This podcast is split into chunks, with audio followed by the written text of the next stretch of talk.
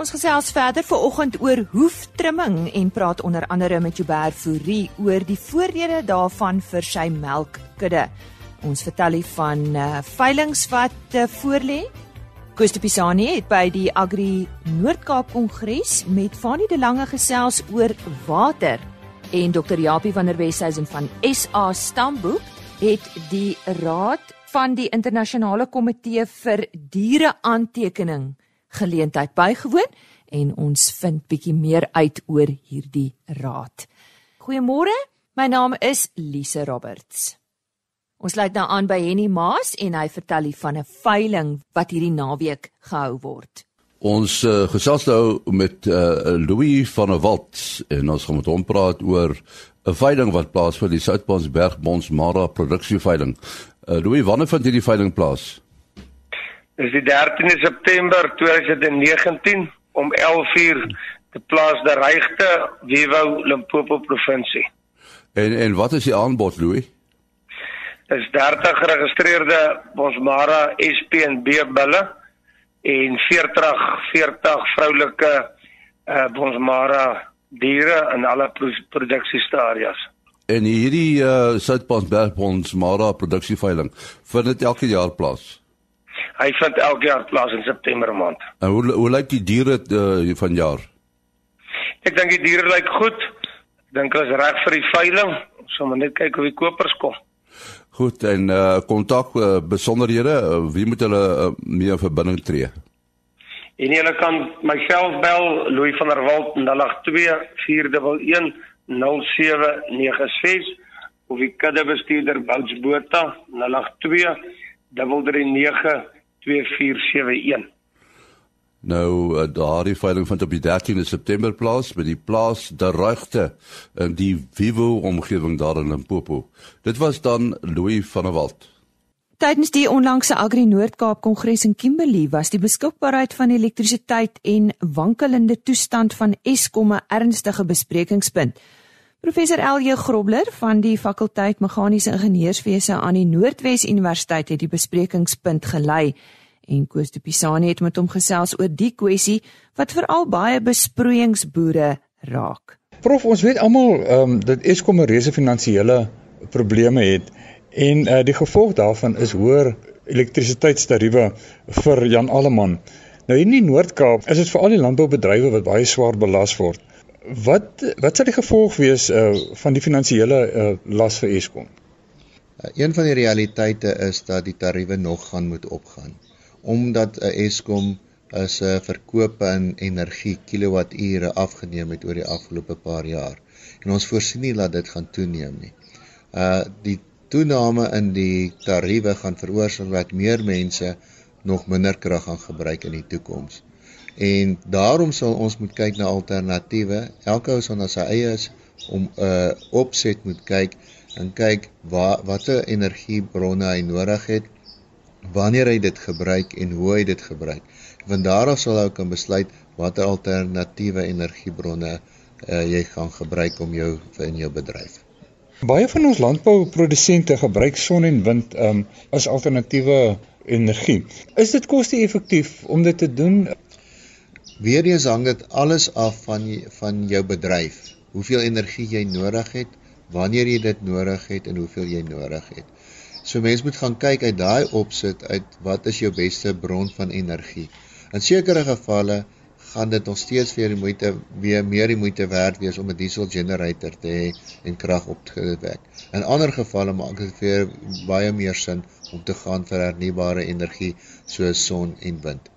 Daar's geen reg of verkeerd nie. Ou moet na jou opset kyk en van daar af dit analiseer en dan kan jy sien wat is jou beste opsie vir jou om te gebruik. 'n Veronderstelde persoon wil nou uh vir hom so aanleg op sy plaas begin. Wat is die faktore wat hy moet in ag neem? Die belangrikste ding wat uh wat hy moet gebruik as jy 'n sonplaas wil opsit, is eerstens om te besluit of jy uh off-grid gaan wees of grid connected soos wat hulle praat.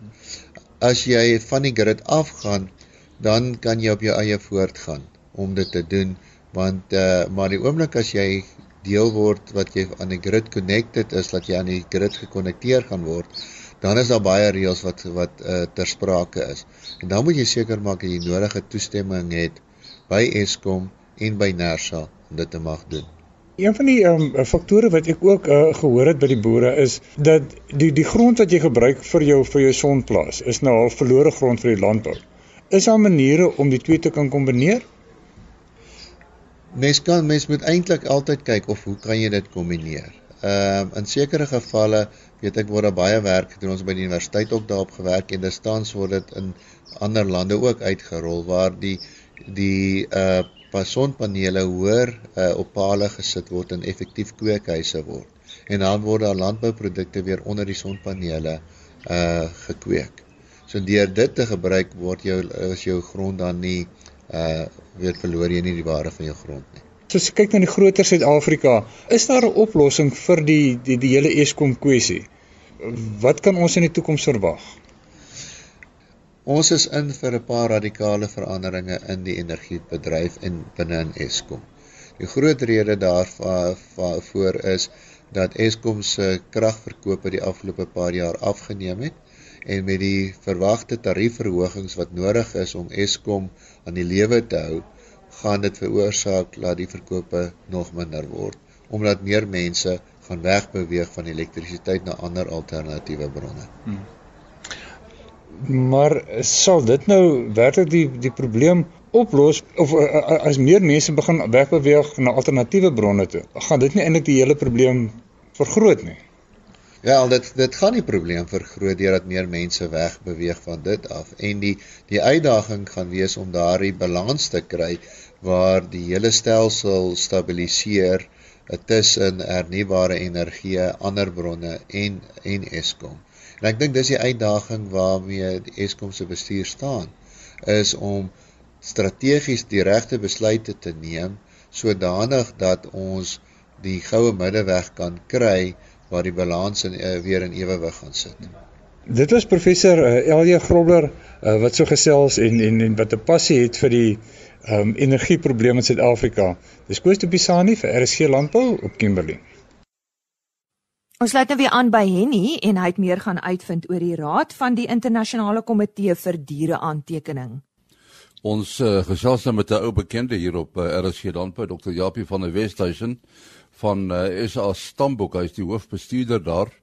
En uh, hy dien nou al 'n geruime tyd op die raad van die internasionale komitee vir diereaantekening. En dit uh, staan bekend as ICAR. Hy het onlangs die organisasie se kongres en 'n reeks vergaderings in Praag in die Tsjechiese Republiek bygewoon. En uh miskien Japie, wat wat is ICAR presies in die doelstellings? Uh, hallo Henny en luisteraars. Uh dis lekker om weer met almal te praat. Uh ICAR um is uh, wat hulle noem 'n international non-government organisation. Met ander woorde, dis 'n internasionale uh, nie-regeringsorganisasie. Ehm um, wat natuurlik destyds gestig is uh met die uh, klomp doele, maar die een van die groot doele was om uh om te sê kan daar nie sekere standaarde en standaardisasie wees uh in terme van diereaantekening en die en die aanwending uh van diere aantekening nie. Met ander woorde, uh, as jy nou 'n bietjie terugdink sien nou maar in 'n Europese konteks daai tyd ehm um, by melkaantekening byvoorbeeld uh wat is die hoe wat se somme moet jy maak om 'n laktasiekurwe reg uit te werk? Wat moet aangeteken word? Wat is die standaardisasie rondom die samestelling van die melk en sulke tipe goed? Maar ehm um, uiteraard is daar het daar natuurlik baie water in die see geloop van toe af en uh ICAR het geweldig uitgebrei en en 'n uh, en 'n klomp ander uh, dinge wat wat ICAR ook voor staan. So dit wat ek nou genoem het uh, in terme van reëls of standaarde of riglyne, uh, ICAR help eintlik veral die ehm um, die lede wat Stamboek is natuurlik 'n lid van ICAR uh, om te sê dit wat ons doen uh, meet ons reg, uh meet ons ons vleisbeeste reg, kleinvee reg, uh melkbeeste reg, die standaarde wat dit aanbetref. Uh en ook as jy data uitruil tussen stelsels, uh wat is die standaarde rondom dit? Uh hoe moet jou database lyk? Like, uh jou tegnisie wat wat met die diere werk, uh wat uitgaan plase toe wat die metings doen, uh die laboratoria soos 'n melklaboratorium of die wol toetsbureau, ehm um, word uh, wat is die riglyne rondom dit. Dan natuurlik uh, omdat jy nou 'n klomp wetenskaplikes het en jy het uh, uh, ouens wat in die bedrywe staan oral in die wêreld um, is dit ook dat jy eintlik lekker kan saamwerk en jy kan uh idees uitruil en sê maar hoe doen ons die ding en hoe doen ons daai ding uh en as daar nuwe spesies inkom sê nou maar soos die kameel of die waterbuffel wat gemelk word uh hoe hanteer ons dit um so dit is ook 'n 'n 'n doelstelling van ICAR en dan natuurlik uh, uh, moedig ICAR uh sy lede en natuurlik sy lede se kliënte aan om om diere rekords reg te gebruik. En ehm um, en natuurlik veral wat wat prestasiemeting aanbetref. Met ander woorde dit wat 'n verskil maak in in wins of verlies uh in diere aantekening hoe om dit reg te gebruik. Ehm um, en dit dit uh het jy dan ook interpretasie eintlik dan op 'n uh, praktiese vlak. So op hierdie uh, miskien moet ek net noem op hierdie stadium is daar so 117 uh lede. Uh lede is nou 'n lid so stamboek byvoorbeeld uit 59 lande wat lid is van ICA. En as mense nou so by inkom sou uh, watter soort besluite word geneem?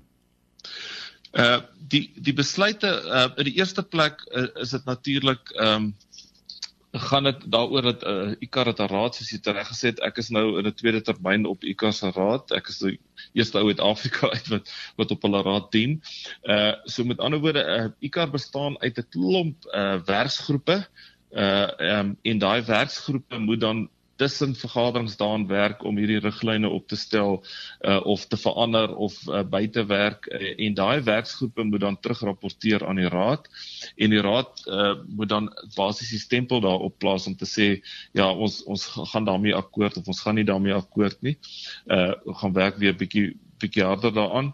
Uh so deel van hierdie vergaderings is dan nou ook om om om daarna te kyk. Uh maar dit is ook 'n geleentheid omdat almal bymekaar kom. Is dit ook 'n geleentheid met wetenskaplikes om eintlik simposium te hou of kongres te hou in in die sin dat dat jy kan 'n wetenskaplike referaat gaan lewer en en jy word natuurlik soos wat dit gaan in die wetenskap sit daar 'n klomp ander wetenskaplikes in die gehoor en hulle kan vir jou moeilike vrae vra en sê maar hoekom het jy nie hieraan of daaraan gedink nie. Ehm um, en dit is ook 'n geleentheid uh, dat die organisasies of maatskappye wat in die veebedryf handel uh om ook dan skouers te skuur met die wetenskaplikes en die praktiese bedryfs uh uitvoerders. Uh um sê nou maar die oorplaatjie mense en die elektroniese oorplaatjie mense en die melkmasjien uh vervaardigers uh verspreiders uh en dan natuurlik die ontploffing wat daar is rondom die elektronika um dis die ouens wat wat almal teenwoordig is en um ICAR maak ook uh, moeite daarmee om eintlik hierdie uitstallers uh, geleentheid te gee in oop sessies om om meer te vertel oor wat die nuutste verwikkeling sê nou maar uh, vir melkmasjiene as 'n voorbeeld of skale uh, in die bedryf is en hoe mense dit kan gebruik en hoe dit hoe dit aangewend kan word. Ja, jy het nou gepraat van die ontploffing in die elektronika. Is dit maar die elektronika wat die pas aangee in diereproduksie? Ja, dis interessant, né? Nee? Ons uh party ons praat van ons ons leef in die 4de industriële revolusie. Nou dit dit is dis fenomenaal. Ehm um, uh, ek ek meen ek self wat in die diereteeling is en die genetika is, ehm um, uh, ons het met die teelwaarde beramings uh, in die begin jare in die 80er jare ehm um, het het ons gesukkel om om enkel eienskap blok modelle deur ons rekenaars te kry. Nou doen mense dit amper op 'n skootrekenaar. Ehm um, almal weet hoe kragtig is jou selfoon deesdae, dis eintlik 'n baie kragtige rekenaar ensovoorts, maar die maar die maar die uh dis hand op hand soos hierdie ontwikkeling nou is. Ehm um, uh die sogenaamde deep machine learning wat die ouens nou doen waar waar die rekenaar homself eintlik korrigeer en in in self dinge uitdink uh in 'n mate is dit bietjie skrikwekkend dink ek as 'n mens daaraan dink. Ehm um, maar dit het uh en dan kombinasie van interessante goed. Ehm um, die die speletjies by werk gebruik uh gebruik byvoorbeeld hierdie sogenaamde uh, GPU uh die graphic user uh, of die, die grafiese verwerkers. Uh nou begin die ouens wat die groot somme maak met die wiskunde begin ook die grafiese verwerkers op die rekenaars gebruik en dit dit maak dit net vinniger. Uh die die uh baie bekende sogenaamde face recognition software waar gesig of 'n uh, um die die uh buitelyne van 'n dier of 'n mens uh, erken word soos wat 'n mens op Facebook of Google doen. Uh, dit begin in die veebedryf uh inslag vind met ander woorde dat jy kameras kan opsit wat die diere gaan identifiseer sonder dat hy plaatjie hoef te hê.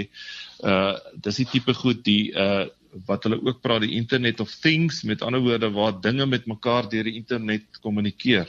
Nou bekende iets is mos nou wat die ouens sê dat jou yskas vir jou kan sê uh of laat weet as daar uh die uh, goed vrot word binne in die yskas as jy dit moet uithaal en sulke tipe goed, maar masjiene begin nou met mekaar praat uh deur die internet. Met ander woorde, um monitering op 'n op 'n koei is is sy nie koorsig nie. Uh en dit dan word word jy laat weet daardeur of die melkmasjien wat direk met die laboratorium praat uh ehm um, so dit is uh, in soos ek sê aan die een kant half skrikwekkend as 'n mens daaraan dink. Ehm um, maar aan die ander kant beteken dit dat daar 'n data ontploffing is. Met ander woorde uh baie meer gereelde metings, baie meer akkurate metings uh wat gemonitor word in die veebedryf en elders. Uh en en dit uh moet vind dan inslag in in teelwaardes byvoorbeeld, maar ook um, om jou diere beter te bestuur of jou kudde beter te bestuur uh in in in daai opsig. So um, uh, soos ek sê in Engels praat hulle van mind boggling. Nee, ehm um, hoe vinnig hierdie hierdie dit hand op hand uh, hierdie ontwikkeling is. Suid-Afrika self wat al hierdie dinge betref, waar staan ons? Is ons daarom hou ons by? Uh, weet jy nie aan die een kant as as 'n mens nou so iets bywoon uh, wat ek nou elke jaar uh, bywoon, um, dan raak jy so 'n bietjie moedeloos want want want want uh, die tempo van ontwikkeling en en ek dink ook die die die mate waartoe ander lande uh, belê in ordentlike navorsing en waar ons eintlik bietjie aan die agterspeen sit in Suid-Afrika maak jou aan die een kant moedeloos maar aan die ander kant wil ek sê dat Um, ek dink nog steeds Suid-Afrika het van die beste boere in die wêreld. En en ons boere uh, veral die ouens wat innoveerders is of wat voorloop lees baie. Ehm um, hulle hulle weet hoe om tegnologie regtig aan te wend in hulle kuddes. Ehm um, en dis natuurlik belangrik. Jy moenie net al die uh, tegnologie gryp nie. Ek dink jy moet baie keer net 'n tree terug staan en kyk wat werk en hoe dit vir jou kan werk en hoe dit 'n verskil aan die aan die aan jou besigheid kan maak. Ehm um, En en in daai opsig wil ek sê dat ehm um, ek ek kyk nou maar net byvoorbeeld in die kleinveebedryf waar die elektroniese oorplaatjies 'n uh, eh, geweldige uh, uh, inslag nou vind en hoe dit gekoppel word aan skale en hoe die ouens se se bestuurstelsels uh, deel daarvan word uh, word. Die outomatiese melkmasjiene, uh, ons het nou ook tussen Logix ons stelsel by Stamboek en die outomatiese melkmasjien het ons nou wat hulle in Engels noem 'n interface gebou met ander woorde waar daar data outomaties gaan uitgeruil word. Uh laat dit nie meer vir die melkboer gaan nodig wees om op twee plekke data in te lees of iets nie. Die melkmasjien uh, monitor self die produksie, die koeie wat ge geweeg word of ja, geweeg selfs word ensovoorts en daai data kom direk op ons stelsel wat wat dan weer teelwaardes teruggee. So in 'n groot mate wil ek sê uh ons draf daarom so hier saam met die groot hond as ek dit so wil noem. Ehm um, in 'n in 'n groot mate ons mag nie dalk op die heel voorpunt wees van innovering om die goed uit te dink nie. Maar ek dink uh dit vind baie goeie gebruik uh binne in die veebedryf uh in Suid-Afrika. Nou ons hartlike dank aan Dr. Japie van die Wesduisen hoofbestuurder van SA Stamboek wat gesels het oor ICAR. Dankie Jenny. Ons gesels nou met 'n gesiene melkboer daar in Limpopo, Joubert Fourie, en ons gaan met hom praat oor hoeftrimming. Nou as jy moet dink, wat is die voordele van hoeftrimming in 'n melkkudde? Uh, dit is nou wat die interne en die ekonomiese groei van die kudde betref. En nee, ek eh, ek is self 'n verrier van 'n gekwalifiseerde verrier vroeër in my dae met perde. En ons het altyd die gesegde gehad, nou hoef nou hos. En ek dink is presies dieselfde by 'n koeiok. As 'n koei se se hoewe nie reg reg is nie, gaan sy gaan sy nie kan 'n uh, goeie lewe 'n uh, goeie kwaliteit lewe hê nie. So ek dink dis dis ons as boere se se verantwoordelikheid om te sorg dat daai daai koei se kwaliteit lewe goed is. En dan die ander ding is ehm um, sy gaan vir jou geld kos in in die terme van al melkproduksie gaan af afneem as sy seer voete het. Ons kan maar net dink as jou as jy 'n ding onder jou naal het of wat dan hoe seer is dit en dit is maar presies wat by 'n koei se se pote gebeur. En en uh met wil dit seker gereeld doen nê. Nee. Wat is die waarde daarvan? Ja, ek dink uh, om dit gereeld te doen, ons probeer dit uh, twee keer na na laktasie doen. Dis nie altyd vir ons moontlik nie, want hier is van nie 'n hoeftrimmer naby nie. Maar ons probeer nou maar die kroniese mankheid te keer. Is daai daai koeie wat jy nie kan sien wat nog nie heeltemal te krippel loop nie. So en dan die ander ding is ook as jy dit nie gereeld doen nie en op pote seer, dan belemmer jy haar haar lê lê patrone. So sy wil of nie gaan lê nie want die voete is te seer om op te staan en dan die ander ding is of as sy gaan lê dan dan lê sy weer te lank en sy kom nie by die voer en die water uit nie. So die ja, dit is dis maar ekonomiese waarde wat wat jy koppel aan aan om die koeie te kry dat hulle kan beweeg. Ja, meeste van die koeie die beweeg op uh, iets soos 'n sementblad, nê, nee, as mense in 'n volvoerstelsel is. Dis korrek ja. By ons by ons is dit uh is ons in 'n TMR-stelsel en hulle is baie baie op 'n uh, konkrietblad so jy moet maar die die sorg dat die voete reg en kort is. Ons sê vir jou vir u baie dankie. En môreoggend gesels ons met die veearts Dr Dani Odendaal oor die verdere voordele van hoeftrimming. Die waterkwessie is 'n groot probleem veral in plattelandse gebiede vir beide die landbouprodusent en die dorpenaar. Kustopisani gesels nou met Fanie de Lange van die Instituut van Grondwaterstudies aan Universiteit van die Vrystaat oor meer effektiewe gebruik van grondwater en hoe boere die dienste van die instituut kan gebruik om hulle waterbestuur op die plaas te verbeter en hy tydens die Noord-Kaap Kongres met Fanie de Lange gesels. Waterbronne in Suid-Afrika raak gevaarlik skaars. In gebiede soos die Karoo en die Kalahari kan baie boere daarvan getuig dat ons visionêr begin dink oor die bewaring van ons waterbronne. Nou ek gesels vanmôre met Fanie de Lange van die Instituut vir Grondwaterstudies aan die Universiteit van die Vrystaat. Um hy is baie betrokke by uh, ontwikkeling en navorsing oor hierdie uh, onderwerp. Fanie, watter navorsing is reeds gedoen oor die effektiewe gebruik van grondwater? Ja, weet jy, daai vraag of 'n goeie antwoord is daar om vir mense om dalk te gaan kyk een van die groot instansies wat navorsing doen en befonds op water is die Waternavorsingskommissie. En sover ek weet, doen hulle al van die vroeë 80s, middel 80s af. Is al ongelooflik baie publikasies al deur hulle uitgebring ten opsigte van grondwater, oppervlakwater, die bestuur daarvan, die opsporing daarvan, hoe om hoe, hoe volhoubaar dit is en spesifiek weet ek ook hoe die geologie en die en en en die grondwater in die Karoo spesifiek deur die geologie beïnvloed word. In Suid-Afrika het ons die kennis. Ons het individue wat internasionaal aanvaar word as kenners op hulle vakgebied. Hmm. En so ons hoef nie internasionaal te gaan soek hoe om hierdie hierdie probleme aan te spreek nie. Ek voel persoonlik ons moet ingaan en begin om hierdie kleiner gemeenskappe te help. En as ons daar begin regkom, dan kan ons dalk 'n model bewerkstellig wat ons kan opwerk en dan wel, ek dink die die die groter stede en die metropole en so aan, hulle hulle het ook genoeg mense om hulle eie goed uit te sorteer, maar ek voel dat daar so groot uh, persentasie van die van die bevolking is hier in die platteland En dis nie ouens wat swaar kry, daar word nie eens aan hulle gedink nie. En met baie min moeite en klein uh befondsings gaan ons kan help om hulle probleme aan te spreek. Jou ander is nou baie geskoei op die op jou stedelinge en jou jou dorpenaars. Mm -hmm. Maar ehm um, as ons kyk na jou jou jou boer self, ek meen wat wat water nodig het vir sy diere om uh, volhoubaar te kan boer. Wat kan boere doen om om meer effektief die waterbronne te gebruik? OK, eerste ding is as ons van grondwater praat, is daar uh, baie boere die tipe van toetse wat ons praat van die boeremetode. As hulle nou boorgat toets. Dan kom hulle in, hulle sit op groot pomp en hulle pomp die gat totdat die boorgat begin spoeg en dan draai hulle nou die kraan toe en draai hom toe en toe totdat hy nou soos hulle praat stroom vang, né? En dan pomp hulle dit vir 6 ure en dan baie keer dan sê hulle okay 50% daarvan is nou die volhoubare lewering van hierdie gat. En dan werk hy nou daarop. Maar dit is nie altyd selfs waterwese of departement water en sanitasie begin nou nie meer daai toetse te aanvaar nie want dit sê vir jou niks van die uh, Engelse term is boundary conditions met ander woorde as hierdie gat lank genoeg getoets geword het of op 'n spesifieke manier, 'n wetenskaplike manier getoets sou geword het, dan sou ons uit die data uit kon aflei. Hoorie sê maar iewersters is daar so 'n keerbank, soos die ou mense gepraat het. Dollariet gaan wat dalk hierdie area waarna is kompartmentaliseer.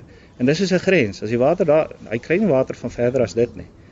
En dit word nie uit daai toetse uit sien of of daai da, ouens kan dit nou nie sê nie. As jy daai boorgat reg toets nê en die data genereer soos wat ons dit doen en dit dan interpreteer, dan kom daai goeters uit. En dan kan jy 'n beter of 'n meer akkurate volhoubare lewering teen teen vir die boer gee waar waar volgens hy dan sy bestuursplan kan aanpas. En ja, soos ek sê, geofisika is 'n metode. Dit kan jy weet baie ouens ek het niks teen die stokkieswysers en so aan nie, maar partykeer is jou jou jou grondwater word gedryf deur geologie en hidrolika. Hm. En as die geologie nie reg is nie, dan gaan daai water nie kan vloei deur jou gesteente nie. So met geofisika kan jy beslis areas identifiseer waar die moontlikheid. Daar's geen waarborg vir water nie, nê. Ons het al baie keer aan boor ons dan kry ons presies daai fraktuurzones wat ons soek. Dan is daar net nie water nie. So daar is nie 'n waarborg vir water nie, maar as jy die geofisika gebruik, dan dink ek is jou moontlikheid en jou jou jou ehm um, kanse vir om water te kry is daarom bietjie beter. Jy weet op die einde van die dag en ek glo ons kan daai diens aan die boere bied. Ek dink persoonlik die Instituut vir Grondwaterstudies het baie inligting wat die boere kan help om beter besluite te neem en dit hoef nie noodwendig eens te wees dat hulle ons moet inkry en dit kos 'n klomp geld nie. Ek dink ons het hoë resolusie ligfoto's. Ons het uh, geologiese kaarte, ons het grondwaterkaarte, ons het alles en dan het ons daarom nou ook gelukkig al 'n bietjie ehm um, uh experience in in hierdie tipe veld en ek dink ons kan hulle assisteer deur vir die inligting beskikbaar te stel. En dan as jy weet kosteloos. Want op hierdie stadium om oor 'n telefoon met iemand te praat, ek weet ons moet in die veld ook kom, maar dan dan kan jy die koste so laag as moontlik help vir hierdie mense om darm genoeg water te kry om verder te kan boer. Dit was van die Delange van die Instituut vir Grondwaterstudies aan die Universiteit van die Vrystaat. Ehm um, dis wonderlik om om te hoor dat die ehm um, akademici ehm um, belande vat met die boere om hulle waterprobleme op te los. Dis Koos de Pisani vir RC Landbou op uh, Kimberley. En ons dank aan uh, ons medewerker in die Noord-Kaap, Koos de Pisani. Ons groet dan tot môreoggend wanneer ons u voorstel aan die Agri Gauteng Jongboer vir 2019 en sy is net 28 jaar oud. Totsiens. RSG Landbou is 'n produksie van Plaas Media. Produksieregisseur Henny Maas. Aanbieding Lisa Roberts. En inhoudskoördineerder Jolandi Root.